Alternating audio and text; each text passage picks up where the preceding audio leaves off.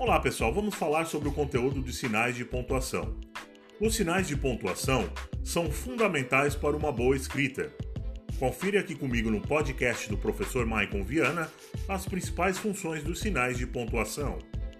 Vamos começar por aquele que é o mais conhecido de todos: ponto final. O ponto final serve para indicar o final de uma frase. Exemplo: Mariana adora ir ao cinema. Ponto final. Já o ponto de interrogação vai indicar uma pergunta, um questionamento. Exemplo: Você não quer passear comigo? Alguém vai responder essa pergunta, não é mesmo? Ponto de exclamação indica alegria, espanto, irritação, medo, tristeza. Vamos aos exemplos? Que delícia! Esse bolo é maravilhoso. Olha como eu tenho uma admiração a respeito do bolo. Já a vírgula é um dos pontos mais complicados sinais de pontuação que servem para indicar uma pequena pausa na leitura, e também separa os elementos de uma frase de nome de lugar, escrita de datas e assim por diante. Exemplo: Goiânia, vírgula, 22 de fevereiro de 2020. Já o ponto e vírgula indica uma pausa maior do que a vírgula. Exemplo: precisamos estudar bastante. Ponto e vírgula. Essa semana teremos avaliações todos os dias. Então preste bem atenção, hein? O ponto e vírgula difere da vírgula porque indica uma pausa maior.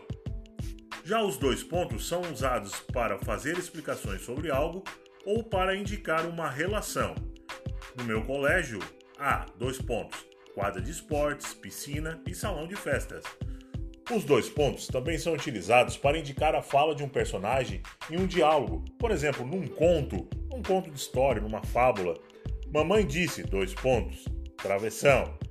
Filho, tome cuidado. E as reticências são usadas para indicar uma interrupção de pensamento. Eu gosto de você, mas reticências. E por último, as aspas, que vão indicar a fala de outra pessoa no texto. Serve para destacar pontos importantes como nomes estrangeiros, gírias e outros. As palavras são como os pássaros. Esta frase está entre aspas, porque é de um importante poeta da língua portuguesa. Então, espero que você tenha prestado atenção nesse podcast. Na semana que vem eu volto com mais informações sobre os sinais de pontuação. Um abraço para o pessoal do sexto ano do Ercílio Luz.